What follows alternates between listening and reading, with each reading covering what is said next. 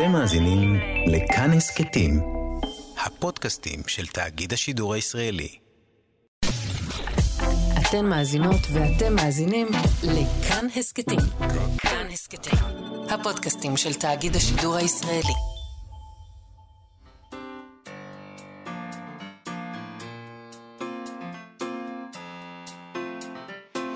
מה שכרוך עם יובל אביבי ומה יעשה לה.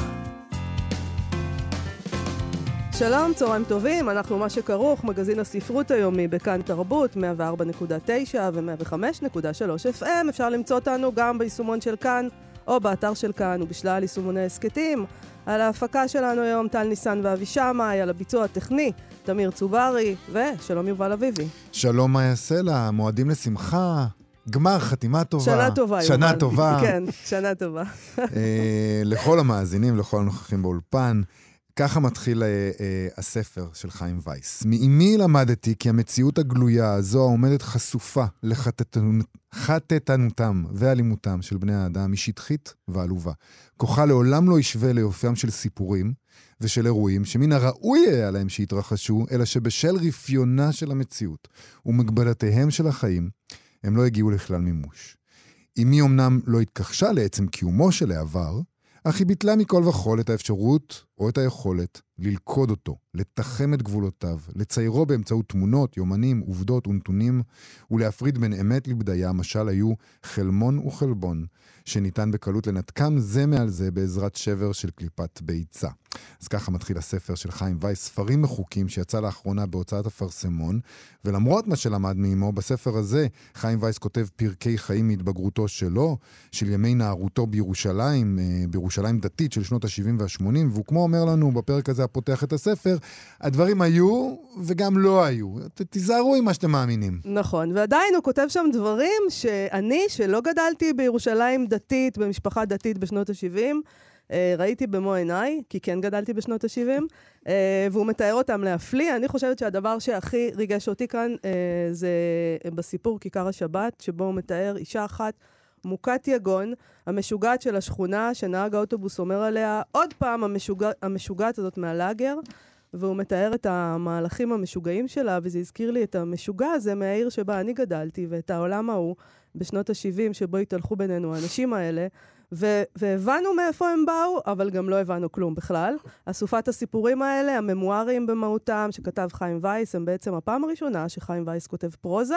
אה, או לפחות מפרסם, הוא בכלל בא ממחקר הספרות. פרופסור חיים וייס היה עד לפני שבועיים ראש המחלקה לספרות עברית באוניברסיטת בן גוריון. תחום עיסוקו המחקרי הוא ספרות חז"ל, הוא גם מבקר ועורך שותף של מוסף ביקורת הספרות פנס, וגם עורך ספרותי, כך שיש לנו היום הרבה על מה לדבר איתו, ולכן הזמנו אותו היום אלינו לאולפן, כדי לשאול אותו מה פתאום הוא כתב פרוזה, מה יהיה הלימודי מדעי הרוח המקרטעים, איך צריך ללמד ספרות, מה יש בחגי תשרי, יש לנו המון, יש לנו המון, פה... המון, המון, אה, חייבים מה יש להתחיל. בחגי תשרי, וספציפית ביום כיפור, כשהכול נעצר פתאום ודומם, כן. אה, בלי שיש חוק שמורה לנו לעשות את זה, ואנחנו אפילו מחבבים את זה. אנחנו לא מקטרים על זה, זה נחמד. שלום, פרופסור חיים וייס. שלום, תודה שהזמנתם אותי. תודה שבאת. אני רוצה לשאול אותך, תמיד כתבת בסתר ועכשיו יצאת מהארון, או שזה דבר חדש? לא, זה דבר חדש. זה התחיל מכך שמתן חרמוני, שערך בזמנו את uh, מאזניים, ביקש ממני איזה סיפור קצר, ואני אמרתי לו, תשמע, מה פתאום, אני, אני נמצא בצד השני של הגדר ואסור לעבור אותה, היה לי. הוא אמר לי, תנסה. ניסיתי, שלחתי לו סיפור אחד שהפך ב, בספר הזה ל, לסיפור שנקרא ספרים מחוקים. ו, וזה היה נחמד. מצא חן בעיניך. זה מצא חן בעיניי גם בגלל שזה נחמד לספר סיפור, וגם בגלל שאתה מנהל דיאלוג עם אנשים אחר כך, שזה הפכה, זו חוויה חדשה ושונה לחלוטין. זאת כי אומרת, פרסמת כבר ספרי מחקר. נכון, פרסמתי ספרי מחקר, וזה מטבעם של ספרי מחקר שהם לכודים בתוך הקהילה האקדמית הקטנה. שם זו קהילה קטנה, תוססת מאוד.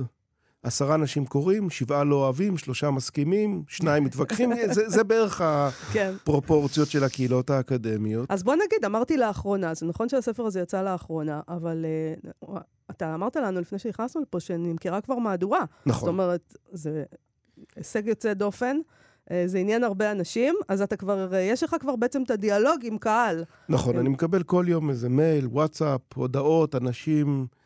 זה גם גורר אותי בצורה משונה לתוך הקהילה שברחתי ממנה, או עזבתי אותה, ובמשך 30 שנה חייתי במנותק לחלוטין ממנה. אני חושב שגם כדי לכתוב את זה, מכיוון שאני לא חושב שממואר זה טקסט שיש לו מימד של חיסולי חשבונות. אה, אז לכתוב את הדבר הזה תוך כדי התבוננות שיש בה כל מיני ממדים. זאת אומרת, היכולת, לפחות הניסיון, שאני לא יודע אם הצלחתי או לא, זה אתם תגידו, לתאר דמויות באיזושהי מלאות שלהם. זאת אומרת, לא רק לכעוס עליהם, לא רק לאהוב אותן, אלא לתאר דמויות שחלפו שם ולנסות להתבונן בהן, כולל דמויות שהיו קשות, אה, עבורי לפחות בתור ילד, ולתאר אותן, ואז פתאום אתה חוזר ואנשים פתאום מגיבים, חוזרים, באים. אז, ומ- אז אולי אנחנו צריכים, אה, לפני שאנחנו מתחילים, אה, פשוט לת- לתאר את העולם הזה שאתה בא ממנו, שאתה מתאר פה, של ירושלים, דתית, כן. עם איזה טוויסט בעיניי, זאת אומרת, איזה מין אה, מורים חרדים של ילדים שהם אה, לא חרדים. נכון. אז תאר לנו קצת את הדתיות הזאת. היה, היה פער, זאת אומרת, בית ספר שהרבנים, המורים, המורות, המורות היו בוגרות כולן של סמינר בית יעקב. הרבנים היו רבנים חרדים, קצת מבואסים כי הם לא השתלבו בעולם, הח... בחינוך החרדי, הביאו אותם לחנך מזרוחניקים. ב', כאילו. זה- כן, זה, זה, זה, זה לא... ו... היה פער, הם יכלו להגיד לנו, אסור לראות טלוויזיה, או טלוויזיה, ובבית לכולנו את הטלוויזיה, וראינו בית קטן בערבה, והחבובות, ודברים אחרים. ובפער הזה, זה היה, זה היה המרחב שבו חיינו. זאת אומרת, הפער בין בית ספר שניסה, זה היה ניסיון כושל, כמובן, לבנות חומה סביבנו, להקיף אותנו במין חומה. עכשיו, אם אתה ילד חרדי שגדל בעולם חרדי, אני מניח שהחומה הזאת עובדת יותר טוב. אבל אנחנו היינו בתוך החומה, ואחרי הצהריים הלכנו לראות קולנוע, הלכנו לקולנוע. כן. ובפער הזה, אז שם העסק הזה... זה נראה. ילדות מאוד מבלבלת, בעצם. אמ, אבל יש היגיון בתוך השיגעון הזה, בתוך הספר. נכון. אני חושב שתראה, אנחנו מייצרים מגירות, אז הוא דתי והוא דתי-לאומי, והם חרד"לים ואלה חרדים, ו... אבל אנשים הם לא מגירות. ואנשים חיים על קווי תא, אנשים גם לא קמים בבוקר ואומר, אני ח... אומרים לעצמם, אני חרד"לי וזה סט האמונות. אנשים חיים על איזשהו מנעד. במקרה שלי, אבא שלי ניסה לעשות איזה תיקון היסטורי גדול, שכמובן, כמו כל תיקון היסטורי גדול, נועד לכישלון מהרגע שמנסים לעשות אותו. וזה לשלוח אותנו לבית ספר שבו אבא שלו לימד, אבא, אבא שהוא לא פגש אותו. זה דור שכולו נרמס תחת גלגלי ההיסטוריה האכזרית של מלחמת העולם השנייה. אחרי מלחמת העולם השנייה, משפחות התפרקו, התאחדו, אנשים נעלמו.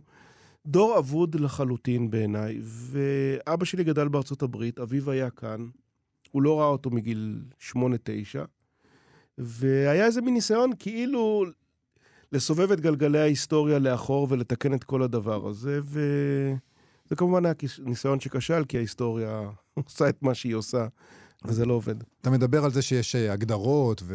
ו- אבל, אבל האמת היא שיש תחושה בסיפורים האלה שתמיד יש שם איזה עימות בין הניסיון אה, לתחם ולשים גבולות, כמו שאתה כן. מתאר, קצת דומה למה שתיארת בפתיחה, ואז יש משהו שפורץ, כמו ה- ה- המשוגעת נכון. מהלאגר, פורצת את הגבולות. אנחנו, זה גם, זה פשוט הזכיר לי את הדבר הזה, שזה, אתה מתאר עולם, שנות ה-70 וה-80, שלנו נדמה שזה לא כזה מזמן, אבל בעצם אנחנו כבר ממש מבוגרים. כן, זה לא... ועולם שהיו בו ניצולי שואה, שהסתובבו בינינו, חלקם השתגעו, אה, היה את המשוגע הזה של, של הכפר, נגיד, או כן. יותר, וזה עולם שאיננו עוד. זה עולם שאיננו. אנחנו חיינו, תראי, אני, ירושלים לפחות, הייתה עיר מלאת משוגעים. והשיגעון היה טבעי לה. עדיין יותר ממקומות אחרים, אני נכון, חושב. נכון, יותר ממקומות אחרים, כי היה לה את השיגעונות הפרטיים שלה, סינדרום ירושלים, וכל מיני משיחים שהסתובבו בירושלים. והעיר אמרה, אתה רוצה להיות המשיח? בסדר גמור, אנחנו, אין לנו התנגדות גם איך לדבר תדעו הזה. אי פעם, אם אתם, הבן אדם שאומר שהוא משיח, ואנחנו אומרים הוא משוגע, אז איך תדעו אי פעם כשהמשיח נכון. באמת יגיע? אסור לקחת את הריזיקה הזאת, אבל... אה, אבל העניין הוא שבאמת אה, המשוגעת מן הלאגר היא מקרה קיצון של פריצת גבולות. נכון. הרי הספר שלך הוא ספר חניכה, כן. על הדרך שגם אתה עושה.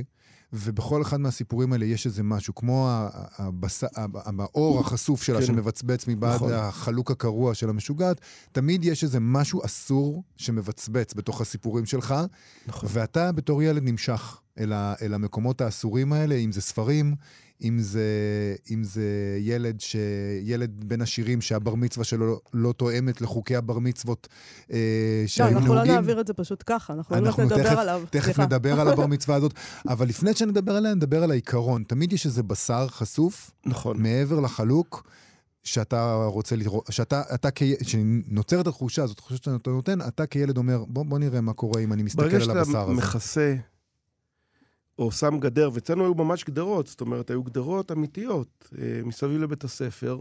היה ניסיון כל הזמן לחסום את, ה, את, ה, את הראייה, אבל הדמיון רואה הרבה יותר טוב, זאת אומרת, מאחורי גדרות מאשר, בלי- עם גדרות מאשר בלי גדרות. והפנטזיות של מה קורה מאחורי הגדר תמיד היו הרבה יותר דרמטיות מאשר הדברים שקרו בפועל. מ... אני זוכר שפעם, אחד הזמרים, ארז לב-ארי, אני חושב, אני לא זוכר, שם מין מסקן טייפ שחור על העיניים כדי לא לראות... את אה, הקהל את הנשי. את הקה- עכשיו, בקהל היו נשים רגילות שרקדו ושרו. אבל אתה- מאחורי הרבה המסקן פעמים- טייפ היו נשים, הר- זאת אומרת, הדמיון הרבה יותר... הרבה אז- פעמים זה מאוד מאכזב אנשים שחוזרים, אה, יוצאים בשאלה. נכון. אה, העולם כמה- החילוני מאוד מאכזב אותם. איפה, איפה קורה כאן כל איפה הזימה, האקשן הזה? איפה זה? כולנו סתם בורגנים. זה נכון, יש, אה, יש פנטזיות על מה שיקרה מאחורי הגדר, ואני נמשכתי מאוד, כי בכל גדר יש פרצה. אין, אני לא ראיתי גדר שאין בה, שאין בה חרך שניתן להציץ דרכו, ולא משנה כמה אתה מנסה לחסום, תמיד יש איזו פרצה. זה יכול להיות החלוק הפרוץ של אותה אישה. זה יכול להיות סדק בגדר, זה יכול להיות הטלוויזיה הישראלית שאתה צריך לרדור, פתאום מופיע... תמיד יש אה, פרצות, והפרצות הללו נורא עניינו אותי. אה, אתה כותב אה, בספר הזה, באחד הסיפורים, על אילן סוויסה. כן. זה סיפור שמאוד עניין אותי גם, כי בעצם אתה כותב על הגזענות של העולם הזה. נכון. היה את הבחור הזה, אילן סוויסה, שלמד איתכם בכיתה. אני המזרחי היחיד, יש להניח. לא, אה, היו כמה לא מזרח מזרחים. אירופה בכל אופן. לא, ממש לא. ובעולם כזה שלנו, ששתינו, אה, לא יודעת מה, זיפ, ולא יודעת, הכל אכלו גבינה לבנה בסנדוויץ', כן. הוא, אבא שלו היה עשיר, הוא היה קבלן עשיר, הוא, היה מרצדס, היה זה, ואתם הסתכלתם, עשיתם לו את המוות לאילן סוויסה. המערכת כולה עשתה לבחור הזה את המוות. הוא החלאה של כמה דמויות שהיו בבית הספר, אה, כמו הרבה דמויות בספר הזה, אבל המערכת כולה לא הייתה בנויה. זה היה בית ספר שהוקם על ידי יקים בשנות ה-30 של המאה ה-20, והקהל שלו היה ברור. זאת אומרת, כל המורים מוצאם היה אחד, פחות או יותר, רוב התלמידים מוצאם היה אשכנזי כמובן, ובלי ש... אני לא חושב שהיה שם איזה רוע. זאת אומרת, זה לא שאמרו, בסדר, עכשיו בא תלמיד מזרחי, נתנכל לו. הוא פשוט לא התאים. המערכת... הוא נורא ניסה, אתה מתאר כן. שם איך הוא לובש, הוא- יש לו בגדים של בני נכון. השירים, והוא זונח אותם כדי שיהיו לו את הבגדים הפשוטים של כול- של כולכם, כן, וזה לא הבגדים- מצליח. זה לא מצליח. הניסיון הזה כשל מראשיתו, משום שברגע שהמרצדס, עם הפנסים המלבניים האלה, עצרה בתחילת, בכניסה לבית הספר, שם הניסיון כשל. זאת אומרת, זה אי אפשר. אבל יש משהו, אתה אומר שאין רוע, אוקיי, רוע, לא, לא אגיד רוע, אבל יש משהו במערכות האלה, עד היום, כמו שאני מבינה אותם, של החינוך הדתי, מכל מיני סוגים, יש להם עניין עם מזרחים, עדיין. זה, זה מה זה לא, אתה יודע, זה לא רוע, יש, זה גזענות יש, אולי. עמדה, יש עמדה ברורה, נגיד, איזה נוסח מתפללים, מאין באים המחנכים. זאת אומרת, יש איזה אידיאל דתי, היום אני לא יודע, אני כבר לא מכיר את בתי הספר הללו, אבל בימים שלי ברור, היה, זה היה מאוד אשכנזי כל העסק הזה. כן. ובא ילד שהיום היינו מכנים אותו מסורתי. זאת אומרת, הוא בא ממשפחה מסורתית, אמו לא הלכה עם כיסוי ראש, אביו היה קבלן עשיר עם טבעת כזאת יפה על הזרת, וכל... זה היה עולם זר לנו לחלוטין. עכשיו, אני ישר נמשכתי לשם, כי זו הייתה פרצה בגדר. זה פתאום... אתה לא... הם, כי הרי מנגנוני הפיקוח לא יכולים לעבוד כל הזמן, תמיד בורח להם משהו. ופתאום נכנס ילד כזה, הוא היה חמוד, והוא באמת ניסה. הוא ניסה להיות אחד מאיתנו, החליף סידור, החליף כיפה, החליף חולצה, החליף זה, החליף זה. אבל משהו שם היה אפס, כמו שאומרים, לא הסתדר בדבר הזה. לא היה לו סיכוי. לא, לא לא, באמת אפשר. ואז הייתה הבר מצווה, הוא ידע עכשיו, מה שהיה מדהים באירוע הזה, שזה היה תסריט, הוא ידע מה הולך להיות בבר מצווה, והוא ידע שזה גזר דין מוות. זאת אומרת, זה, אחרי. זה לא... הוא אז בוא רקדניות תספר, בטן. זה זהו, אחת תספר הסצנות לנו מה היה- היפות, מה היה אה, בבר בספר. מצווה. לעומת הבר מצוות שלכם, שאתה מתאר את הדבר הפשוט הזה, השולחנות, כן, היה משהו מאוד יפה, יפה. כלומר... ואצלו, פאר. היו בר מצוות בבתים, בבתים או באולמות של בתי הכנסת. ב... אמהות הכינו אוכל, קנו קצת הרינג, קיגל, כל מיני דברים כאלה. ופה זה היה בפלאזה. זאת אומרת, שולחנות עם מפות אמיתיות, לא מפות נייר. אוכל, אני לא זוכר כלום, אבל היו שם פירות. זה, זה היה נקי, מסודר, מאורגן. אתה כותב זו על הייתה הבננה? חגיגה כן, אמיתית. כן, כן, זאת אומרת, זה היה נוטף כסף כן. ברמות שאנחנו לא הכרנו. והיה דיאלוג עם העיניים. זאת אומרת, היה שם איזה דיאלוג עם העיניים, שאת חלקו אני מדמיין, כי אני לא זוכר הכל, אבל אתה מנסה לספר את הדבר הזה מחדש. ופתאום נכנסו רקדניות בטן לתוך... עכשיו, זה... קשה לתאר לי... לילדים כמונו מה הדבר הזה עשה. זה, זה היה דבר, זה היה אירוע, מגה אירוע. זאת אומרת, זה לא חור פרצה קטנה בגדר, זה... הגדר קרסה ברעש אדיר לתוך עצמה, ופתאום נתגלה יופיו של העולם. עכשיו, זה לא רק רקדניות, זה סוג של שמחת חיים, ואופציות אחרות, וצלילים אחרים, ומראה אחר, וכל זה היה סיפור של אופציה אחרת לגמרי. אבל את אילן סוויסה זה גמר. לא, אילן הסיפור. למחרת הוא לא לא- הגיע... לא הגיע יותר לא לעולמים. הגיע יותר לבית ספר, זאת אומרת... וואו. וזה נורא עצוב, כי אתה באמת ברור לחלוטין, אתם מסתכלים על כל המחזה הזה בעיניים קרועות, ואתם מסתכלים עליו ואתם קולטים, אתה אומר, אז אמרת את זה כאן, שהוא יודע שזה הסוף. כן, הוא כן. יודע שאת זה, את, ה, את הדבר הזה כבר אי אפשר יהיה לגשר, ו, ו, וזה תאונה שהולכת בהילוך איטי, ואף אחד לא יכול לעצור אותה. עכשיו, זה נכון, אתה, הרי אני לא זוכר, אני- יש לי זיכרון, הבעיה האמיתית שלי שיש לי זיכרון נורא ואיום. אני לא זוכר כלום. זה טוב לסופר. לא נכון. יודעת, זה לא- לא ניכר בספר. לא, הוא בסדר, המצאת אבל... הכל פשוט. לא, אתה זוכר רגע שרקדנית בטן רוקדת. עכשיו, בגילי המופלג, בגיל 50 ומשהו, אתה מנסה לשחזר את האירוע הזה ולשוות לו צורה. אה, ואז אתה לוקח כמה דמויות כאלה שהסתובבו בבית הספר, ואתה מחבר אותן לכלל דמות אחת ש... שאתה מנסה לתאר אותה. עכשיו, השאלה זה לא אם באמת הדבר הזה קרה בדיוק כמו שהוא קרה או לא קרה כמו שהוא קרה. משהו מזה היה, משהו מזה לא היה. האופציה הזאת, כן, של מה קורה כשדבר כזה קורה בתוך מרחב כל כך מגונן, שומר, שיש בו מאמץ עצום לשמור כל הזמן על, ה, על הילדים הרחק מ, מהפגיעה של כל העולם, כל העולם מסביב הוא, הוא, הוא עולם מסוכן נורא. אתה צריך לשמור על הילדים, והבעיה שזה קרב שאי אפשר, לה, אפשר לקיים אותו, כי אנחנו יוצאים בכל זאת מבית ספר, ואז הולכים לבני עקיבא, רחמנא ליצלן, או זהו, לכל... בני עקיבא שם זה דבר נורא ואיום, נכון? הם כן. מתייחסים לבני עקיבא כדבר נורא בני ואיום. עקיבא זה אבי אבות הטומאה. אבי אבות הטומאה. זה הצופים הדתיים. זה עוד יותר גרוע, לא, כי לידם הצ- אפילו בני עקיבא לא, דתיים. הצופים נכון, אבל הצופים לדבר בכלל. הדתיים זה היה מעבר להרי החול, לא הייתה אופציה כזאת. היה עזרא, שזה התנועת נוער הרשמית, כאילו, של איזושהי תנועת נוער שבטח קיימת באיזושהי צורה עד היום, אני לא יודע. הייתה תנועת נוער קטנה כזאת, תנועת נוער בוטיק של רק הזה. ועד בני עקיבא שאני הלכתי לבני עקיבא, כמעט אף אחד אחר לא הלך לבני עקיבא.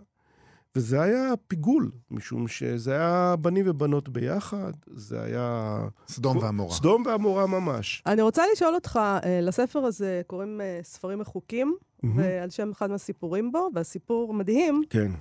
הוא אה, המשך ישיר של כל מה שדיברנו עליו נכון, עכשיו, נכון. בעצם. זאת אומרת, אתה, אז תספר אותו אתה, אתה מוחק ספרים. כנער, אתה, לימדו אותך למחוק אה, משפטים... אה, הסיפור מסוכנים. הוא על נער, לא יודע אם זה אני או לא, כן, אבל כן, זה, נער, זה נער כן. שנמצא בית הספר הזה ומוחק ספרים, משום שהספרייה, הייתה שם ספרייה קטנה כזאת, היא באמת, היא הייתה כמו איזה שן עקומה, תקועה בין שתי שיניים.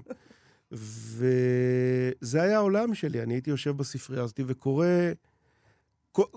כל- מכל, מה ש... מכל הבא ליד קראתי, והיה שם באמת רב שהוא היה נציג של העולם הזה שנעלם, הוא היה היקי היחיד, שעוד נותר במסדר האבירים הזה של היקים שהקימו את בית הספר.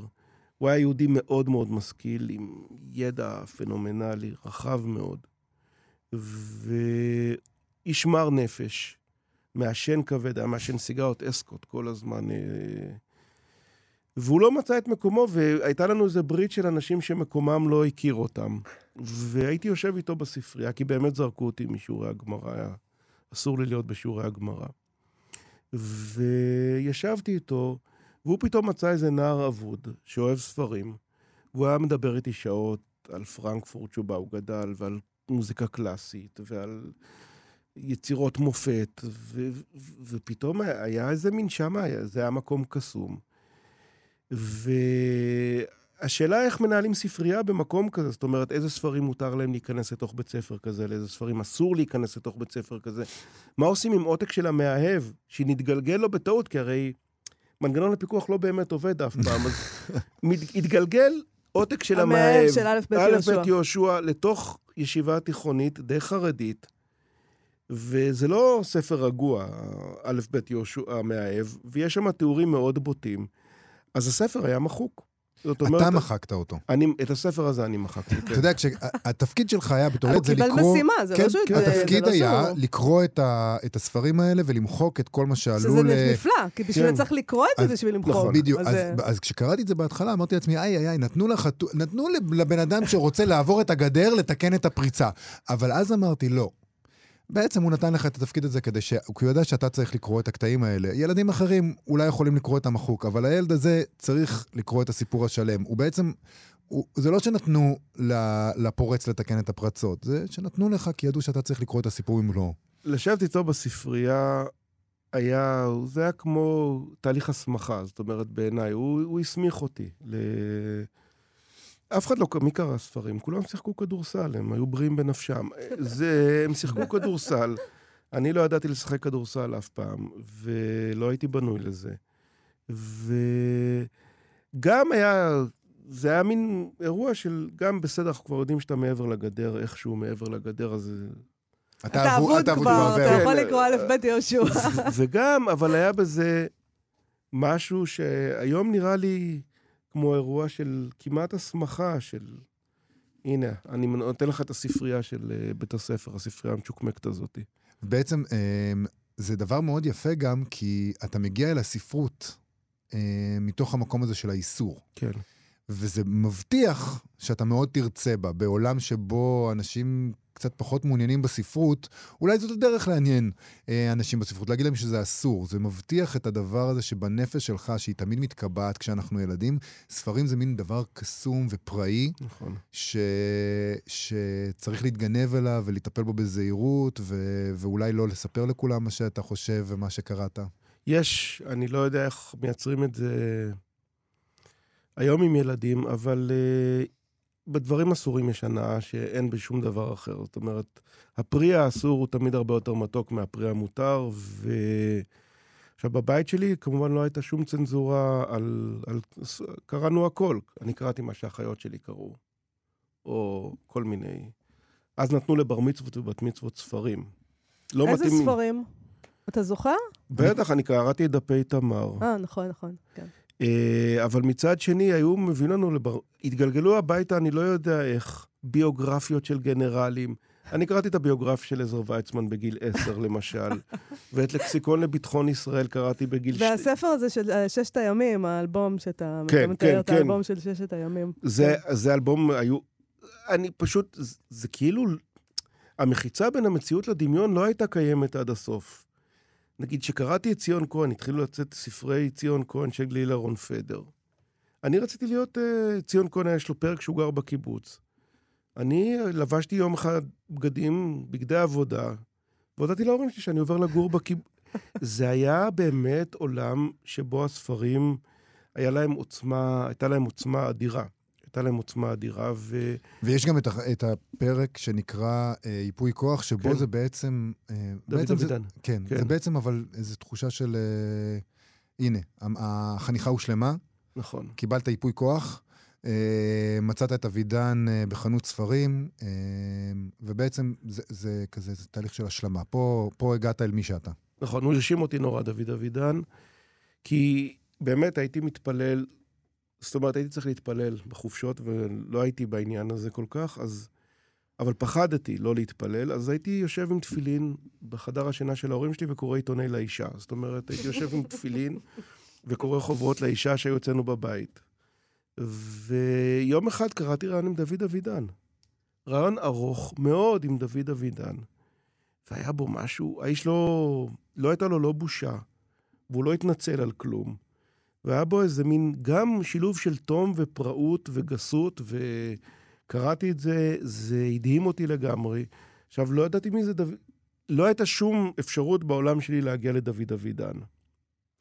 גם באזורים היותר ליברליים של העולם שלי, דוד אבידן לא בדיוק הסתובב שם. כן.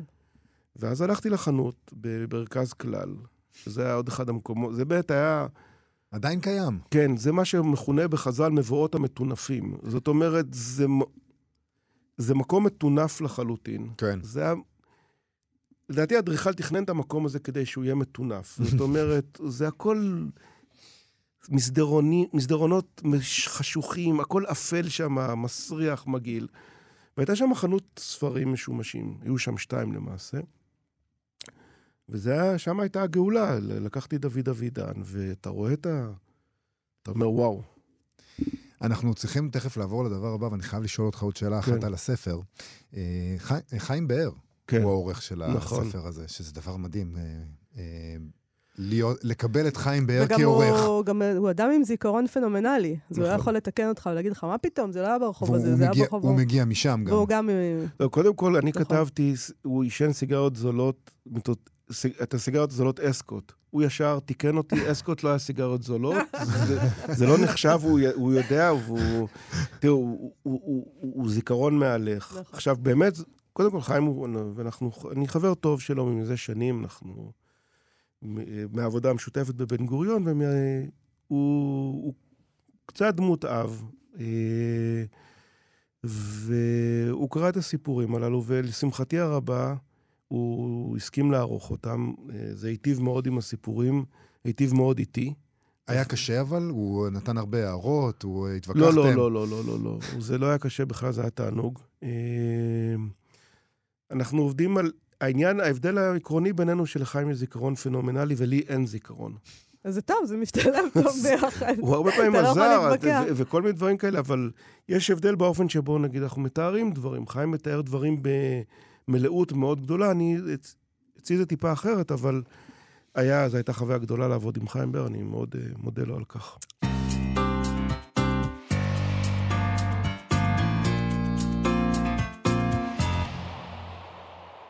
אנחנו, מה שכרוך בכאן תרבות, חזרנו עם uh, תוכנית uh, די מיוחדת, שבה אנחנו מארחים את פרופסור חיים וייס לרגל uh, צאת ספרו, ספרים מחוקים, שיצא עכשיו בהוצאת אפרסמון, ודיברנו עליו עכשיו ארוכות. עכשיו אנחנו פונים לכובע האחר שלך. Uh, אנחנו רוצים לדבר קצת על מדעי הרוח. ראש החוג היוצא. ראש החוג היוצא. באוניברסיטת בן גוריון. מהמם. אה, זמן לסכם, ארבע שנים שבהן אה, כיכבת בראשות החוג. זה לא ריאליטי, יובל. תחת, כן. לא, כן, זה קצת ריאליטי, זה מציאותי מאוד מה שקורה במדעי הרוח, כי כן. יש תחושה שמנסים לחסל את מדעי הרוח ממש. לפעמים נדמה כמו, כאילו מישהו לקח פרויקט ואמר, איך אנחנו אה, גורמים נכון. להם אה, ל- לוותר. אולי הקפיטליזם לקח את זה על, עצ- אה, על עצמו, אבל נדמה לפעמים שהמדינה שלנו מצטרפת למגמה הזאת אה, בחדווה. ואנחנו רוצים לדעת איך זה נראה מבפנים. אתם מרגישים שמנסים לחסל אתכם? אני לא חושב. אה, יש משבר ב- בכל העולם במדעי הרוח. אה, עכשיו, כמו כל משבר, יש, צריך לנסות... אני עכשיו הרבה יותר אה, שקול ומסודר ממה שהייתי מקודם, אבל בכל משבר צריך לנסות להבין מה קורה בו, ומה המניעים ואיך מטפלים בו. עכשיו, קודם כל צריך להבין, המשבר קיים רק בתואר הראשון, הוא לא קיים בתארים מתקדמים. תארים מתקדמים, יש לנו הרבה תלמידים, יש תוכניות טובות, יש תוכנית לכתיבה יוצרת, שאני יכול לדבר עליה שעות, היא תוכנית נהדרת, ויש תוכנית, מסלול מחקרי, יש דוקטורנטים רבים וטובים. אז למה, אז למה המשבר בעצם? מה המשבר? מדוע יש משבר? אה, משום שמה שאנחנו... זה, זה, זה מתחיל, אה, כמובן אפשר להתחיל אה, אחורה מבתי הספר, מהמעמד של מדעי הרוח במערכת החינוך ובחברה בכלל. לפני כמה זמן יצא לי לדבר באיזשהו תיכון, ביקשו ממני לדבר על, על למה הילדים לא קוראים, זה כאילו איזה מין דבר שכזה. ואז אמרתי להורים, תצביעו בבקשה מי שקרא לאחרונה ספר.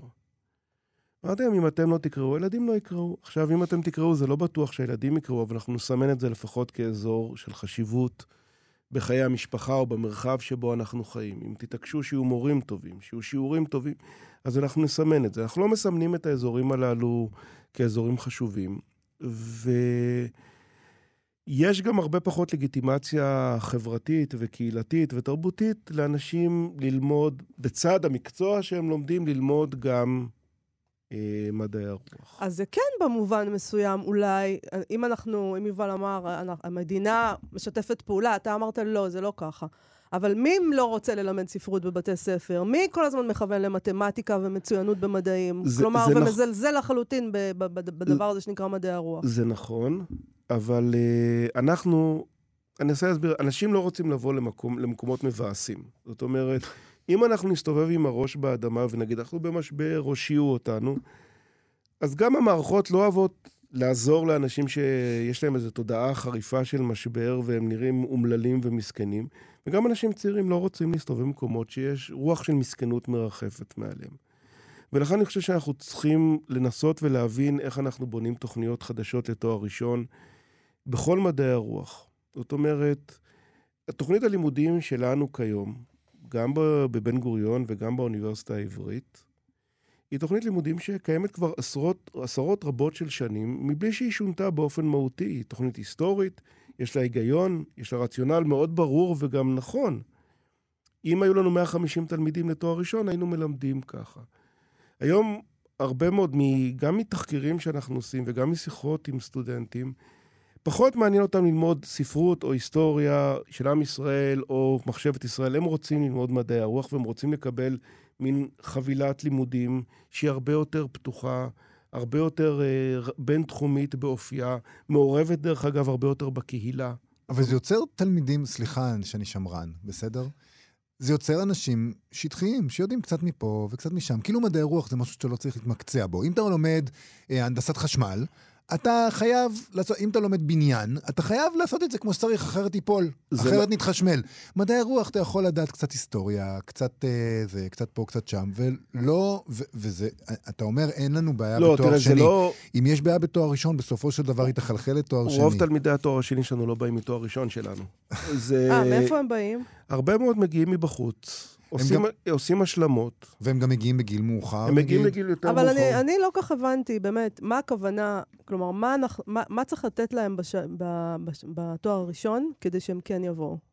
באיזה מובן? לא לה, להקליל את הדבר הזה? תראו, מה... לא, לא, לא. יש... אה, נגיד, ת, תתבוננו על אנשים צעירים היום. אלפי בני נוער הולכים ללמוד במכינות קדם צבאיות. הם יושבים שנה ולומדים. כן. אני יודע את זה כי הבת שלי כרגע נמצאת באחת מהן, והיא לומדת. הם קוראים ברנר, והם קוראים בובר, והם קוראים עדה גורדון. יש רוח בסך הכל נפלאה על המקומות. יש לי... אז אולי אנחנו פשוט לא יודעים ללמד אותם כמו אז שצריך אנחנו, ספרות. אנחנו, לא, עכשיו, יש הבדל מאוד גדול בין שנה לפני הצבא, שאתה בא ואתה רוצה, או בתי מדרש, פלורליסטים כאלה ואחרים, אלול כן. וכל מיני כאלה, שאנשים אומרים, לאנשים יש צמא לידע וללימוד, והם רוצים לייצר לעצמם חיי רוח. עכשיו, מה, הבעיה שלנו מתחילה בזה שאנחנו אומרים, זה לא פעילות לשעת, הפ- לשעות הפנאי. זה אירוע מקצוע, רציני, זה כן. מקצוע, צריך ללמוד איזה שלוש שנים, עם ציונים, עם קורסים. אני לא מציע להקליל את זה, בכלל לא. אני מציע, הרי אנחנו מנסים להגן כאילו על דבר שכמעט כבר אין על מה להגן, כמה תלמידים כבר יש. לנו במחלקה יש הרבה, אז אנחנו מצליחים להגיע ל-30 תלמידי שנה א'. זה הרבה ביחס הרבה? לאוניברסיטאות, כן, וואו. ביחס לאוניברסיטאות אחרות. אוקיי. ולמחלקות- 30 תלמיד, אה, סטודנטים לתואר ראשון בכל, ש... בכל שנה. שנה א'. בשנה א', כן. כן. כן. וזה גם, זה מאבק מאוד מאוד מאוד קשה ומאוד מסובך. והשאלה איך אנחנו מייצרים תפיסה אחרת של ידע שהיא גם מאוד רצינית, של העבר...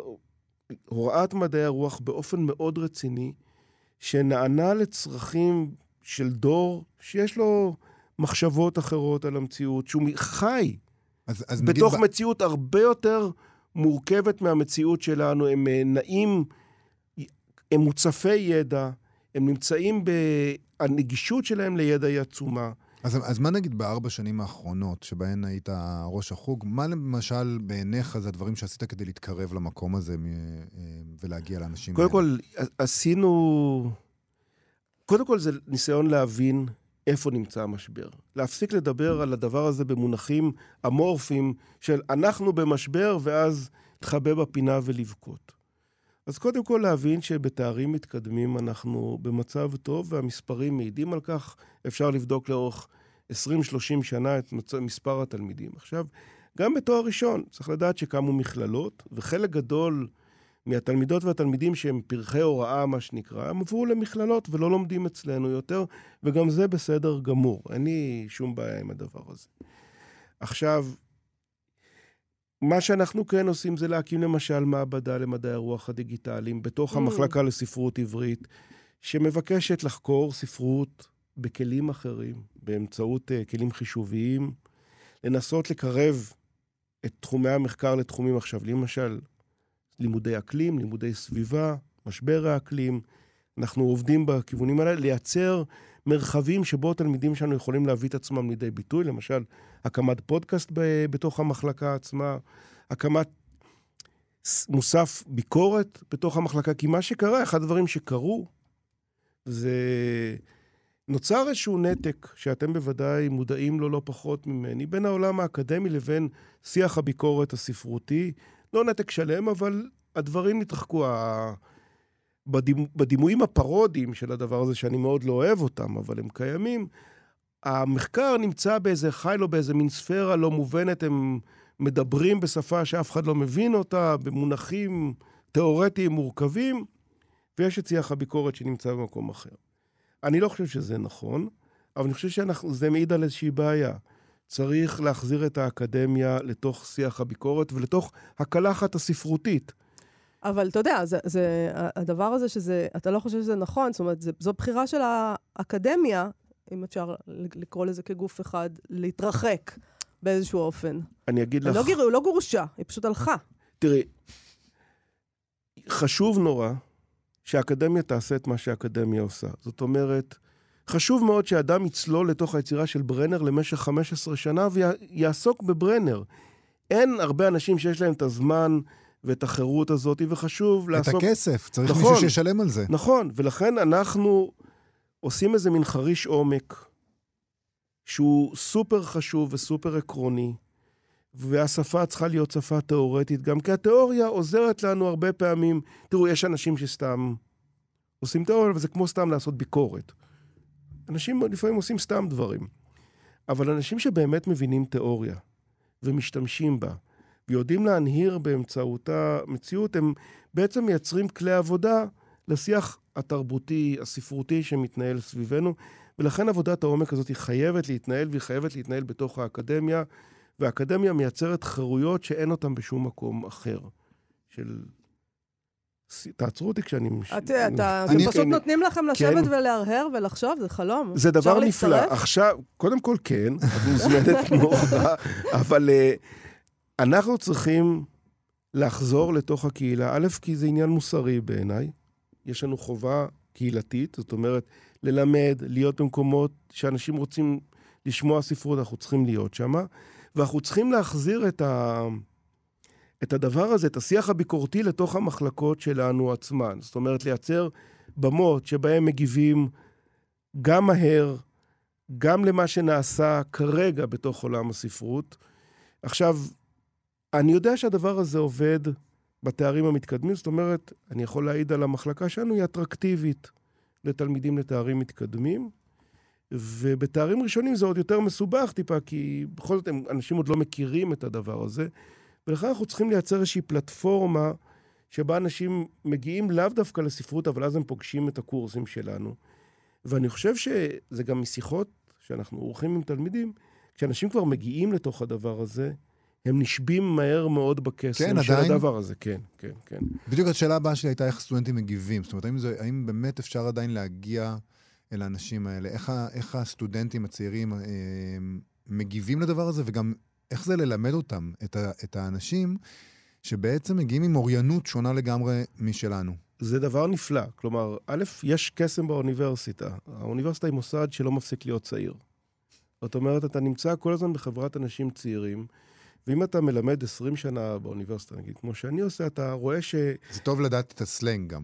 נכון, זה, זה, עוזר לי, זה עוזר לשמור על איזושהי חדות ועל איזושהי צעירות גם, במובן הטוב והבריא של המילה הזאת, וגם לראות איך הטעם משתנה ואיך השאלות התרבותיות משתנות. זאת אומרת, איזה שאלות אתה קורא, נגיד, טקסטים של חז"ל, שאני קורא עם תלמידים, וזה טקסטים מרגיזים, הם יכולים להיות מיזוגניים מאוד, הם יכולים להיות פרובוקטיביים נורא, כי חז"ל, בניגוד למה שחושבים עליהם, הם לא רגועים במיוחד. ו... ואז אתה פתאום, אנשים אומרים, רגע, הדמות הנשית בעלילה, איך, מה מערכת היחסים שמתפתחת, פתאום נש... כל פעם נשאלות שאלות אחרות, ובכל סקר שעשינו עם תלמידים, ועשינו במהלך השנים האחרונות כמה וכמה סקרים, אנשים לומדים ספרות כי הם אוהבים ספרות, לא כדי למצוא עבודה בהייטק, או כדי לחשוב מחוץ לקופסה, או כל כן, מיני שטויות כאלה. כאלה. כן, אבל אולי לא באים הרבה גם בגלל הדבר הזה, שהם חושבים לעצמם איך אני אתפרנס. נכון, נכון, נכון. עכשיו, רוב, חלק גדול מהתלמידים שלנו, צריך לומר, הם לא, לא לומדים רק ספרות. נגיד, חצי מהתלמידים שלנו הם תלמידי פסיכ... או תלמידי ותלמידות, בעיקר פסיכולוגיה. זאת אומרת, אנחנו המחלקה השנייה שלהם. וצריך לדעת למצב את עצמך נכון גם כמחלקה שנייה של אנשים שבאים ללמוד פסיכולוגיה, תלמידות, תלמידים שבאים ללמוד פסיכולוגיה, ואתה ממצב את עצמך בתוך הדבר הזה למולם. אני רוצה לשאול אותך, לחבר אותנו לחלק הראשון של השיחה שלנו, לספר שלך, ולדבר קצת על תחום המחקר שלך, שהזכרת אותו בחטף. ובעצם אתה, אתה היית אמור ללכת ללמוד את ברנר ו, ואת דוד אבידן. כן. אבל במקום זה, במקום ללכת ול, ולגמרי להפך לחילוני, חזרת למקורות, אל חז"ל, נכון. מבחוץ. זאת אומרת, נכון. כחוקר. ש... כחוקר, וכחוקר שעזב את, ה, את הדת. כן. איך, איך זה קרה? תראה, התלמוד היה מרחב אסור מבחינתי, זאת אומרת, הוא גם למד, למדנו בבית הספר את החלקים שלא עניינו אותי, או שעניינו אותי פחות. החלקים ההלכתיים, אין לי ראש, אני מודה, אני... המוח שלי לא עובד בצורה הזאת, אני פחות, זה עניין אותי. הספרות נורא עניינה אותי, כי הם פרועים מאוד, הם, יש שם איזו חירות של שבירת כל החוקים, גבולות, חוקים, אפשרויות. היום אני יודע שזה גם בהלכה שלהם, אבל המציאות נבחנת באזורי הקצה שלה, בספרות חז"ל, וזה דבר שמשך אותי מאוד. ונכנסתי לאוניברסיטה העברית לשנה א', שיעור ראשון עם פרופסור גלית חזן רוקם, שלימים תהיה המנחה שלי בדוקטורט. ופתאום קראו, קראו טקסט ואמרו מילים כמו גיבור, גיבורה של העלילה, דמויות, פסיכולוגיה. ואני אמרתי, יואו, זאת אומרת, זה מה שרציתי מלכתחילה, אבל. ואז נוצר מרחב של חירות, שבו אני יכול להיכנס לטקסט הזה מהמקום שאני רוצה להיכנס אליו. ו... שזה אני... המרד האולטימטיבי. אני לא הולך עכשיו לטקסטים חילוניים. אני לוקח את הטקסטים האלה ואני מראה לכם גם החילונים לא הלכו לתת, אתה קורא את ברנר, אז ברנר יכול לכתוב מניפסטים אנטי-תלמודיים אה, עזים מאוד, עם כל הסערות הברנריות, הזעם הברנרי, האיש קשה מאוד ברנר. ואז אתה קורא את הסיפורים שלו, אתה קורא את בחורף, ואתה קורא את מסביב לנקודה, ואתה רואה שקודם כל, הדמות שלו זה תמיד איזה אישי ובוכר מסובך, והוא כותב סוגיות. זאת אומרת, וכשאתה מבין את הגמרא, גם יש שם המון בדיחות פנימיות, מה שנקרא, שמי שיודע גמרא מבין את הבדיחות שלו. ואתה לא יכול לצאת מהדבר הזה, בסופו של דבר אתה לא יכול לצאת מהדבר הזה, אני חושב. חיים, אנחנו ואני עומדים... גם לא רוצה. אנחנו עומדים בפתחו של יום כיפור, היום הזה שבו הכל כן. עומד מלכת uh, באופן וולונטרי, uh, ואנחנו, אנחנו רובנו לא מתקוממים על זה. אנחנו מחבבים את היום הזה באיזשהו אופן משונה.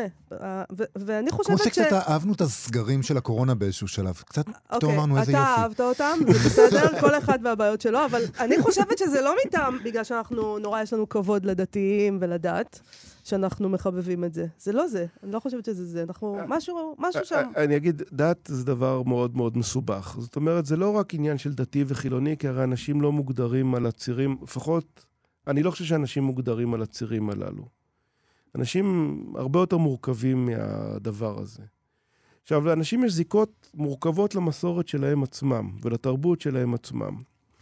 ואני אוהב את יום כיפור, כי יום כיפור זה, יש בו מימד של אי כפייה מוחלטת. זאת אומרת, זה לא שהרשויות נכנסו ואמרו, אסור לאוטובוסים לנסוע בשבת, כמו שהם עושות עכשיו. אף אחד לא אמר כלום. התרבות התארגנה לה סביב היום הזה ויצרה לה מנגנונים שהם תרבותיים, חלקם דתיים. עכשיו, גם לרכב על אופניים ביום כיפור, כל היום, ולהגיע במוצאי יום כיפור או ב... לתקיעת השופר, זה עניין דתי. זאת אומרת, זו חוויה שיש לה מימד דתי בעיניי, הוא מימד חדש, וצריך לזכור שהדת זה לא דבר שכופה על שמריו, כלומר, אנחנו ממציאים את הדבר הזה כל הזמן מחדש, מסורות, הלכות, מנהגים מומצאים כל הזמן מחדש, והנה קמה לה איזה מין מסורת דתית, והיופי הזה של... נגיד, הילדות שיכולות להגיד, אנחנו נורא רוצות לנסוע לחופש בחו"ל, אבל ביום כיפור לא, יום כיפור בבית. לא רוצים לפספס, לא רוצים לפספס את הדבר הזה. כן. האוויר נקי, הסתיו בא, באוויר, נכון. יש הרי יהודה יפים, ואנשים מסתובבים להם ברחובות, אין מכוניות, יש שקט, ויש את הרגע הזה של הצער גם, שאתה עומד אה, על המרפסת ורואה את המכונית הראשונה נוסעת. נכון, אה, זה תמיד מבאס. במוצאי יום כיפור. אז... אה, אוי, נגמר. אז הבאת לנו איזה, פה אני רואה איזה, יש לנו איזה דקה או שתיים. אני אקרא לכם סיפור. תק... בבקשה. סקרה סיפור על רבי אלימלך מליז'נסק, שאגב, אני כנראה מצאצאי צאציותיו, זאת אומרת, אימא שלי איכשהו. ככה. פעם אחת, בערב יום הכיפורים אמר הרב הצדיק רבי אלימלך מליז'נסק, זיכרונו לברכה לתלמידיו, רצונכם לדעת איך עושים בערב יום הכיפורים? לכו אל החייט שבקצה העיר. הלכו ועמדו אצלו לפני חלון ביתו. ראו שהוא ובניו מתפללים בפשטות כמו כל החייטים. אחר התפילה לבשו בגדי שבת והדליקו נרות וערכו שולחן מלא מעדנים וישבו לשולחן בשמחה רבה. הוציא החייט מהארון ספר אחד שהיה כתוב בו כל העבירות שעשה במשך השנה. מיום הכיפורים שעבר עד יום כיפורים זה. ואמר ריבונו של עולם, היום הגיע הזמן לעשות בינינו חשבון על כל העבירות שעשינו. שזמן כפרה הוא לכל ישראל, מיד התחיל לחשוב ולמנות כל העבירות שעשה במשך השנה, שכולם היו נרשמות בספר הזיכרון הזה. אחר שגמר חשבון העבירות שהוציא, אחר שגמר חשבון העבירות שלו, הוציא ספר גדול וכבד יותר מן הראשון, ואמר, ריבונו של עולם, קודם מניתי את העבירות שאני עשיתי, עכשיו אמנה את העבירות שאתה עשית. מיד חישב כל הצער והאיסורים, צרות ועוגמת נפש וחולאים רעים והפסד ממון שעברו במשך כל השנה עליו ועל נפשות ביתו. כשגמר החשבון, החשבון אמר, ריבונו של עולם, אם נחשוב באמת על פי יושר, אתה חייב לי יותר מה שאני חייב לך. אלא שאני רוצה לדקדק עמך בחשבון מדוקדק, כי הלא ערב יום הכיפורים היום, וכל אחד מחויב להתפייס עם חברו, ולכן הננו מוחלים לך על כל העבירות שעשית לנו, וגם אתה תמחול לנו על כל העבירות שחטאנו לך. מזג כוס יין שרוף וברך שהכל, ואמר בקול רם, לחיים. נהדר. חיים וייס. לא, כי, כי זה באמת החוויה הדתית. החוויה הדתית היא לא מערכת יחסים חד-כיוונית בין האדם לבין אלוהים, זה נכון. מערכת יחסים דו-כיוונית. שכועסים, כועסים עליו, הוא הכתובת. לחלוטין, הוא חייב לנו הרבה, אין לי מה להגיד. תזכיר לנו מאיפה קראת. אז אה, זה מתוך האנתולוגיה היפהפייה שעגנון הוציא, שנקראת ימים נוראים. אני מראה את זה כאילו יש פה טלוויזיה. זה נקראת ימים נוראים. כן. וזה אנתולוגיה נפלאה. אני מאוד אוהב את זה, וזה אה, לדעתי סיכום נהדר. של השיחה לחלוטין. שלנו. לחלוטין. פרופסור חיים וייס, דיברנו על הספר שלך החדש, ספרים מחוקים, שיצא בהוצאת אפרסמון, בו יפה מאוד. תודה רבה לך שבאת אלינו לתוכנית. תודה רבה שאירחתם אותי. תודה, תודה רבה לטל ניסן ואבי שמאי שהפיקו את התוכנית הזאת, ולתמיר צוברי שעל הביצוע הטכני. בואו לבקר בעמוד הפייסבוק שלנו ושל כאן תרבות. להתראות. להתראות. אתן מאזינות ואתם מאזינים לכאן הסכתים. כאן הסכתים, הפודקאסטים של תאגיד השידור הישראלי. אתם מאזינים לכאן הסכתים, הפודקאסטים של תאגיד השידור הישראלי.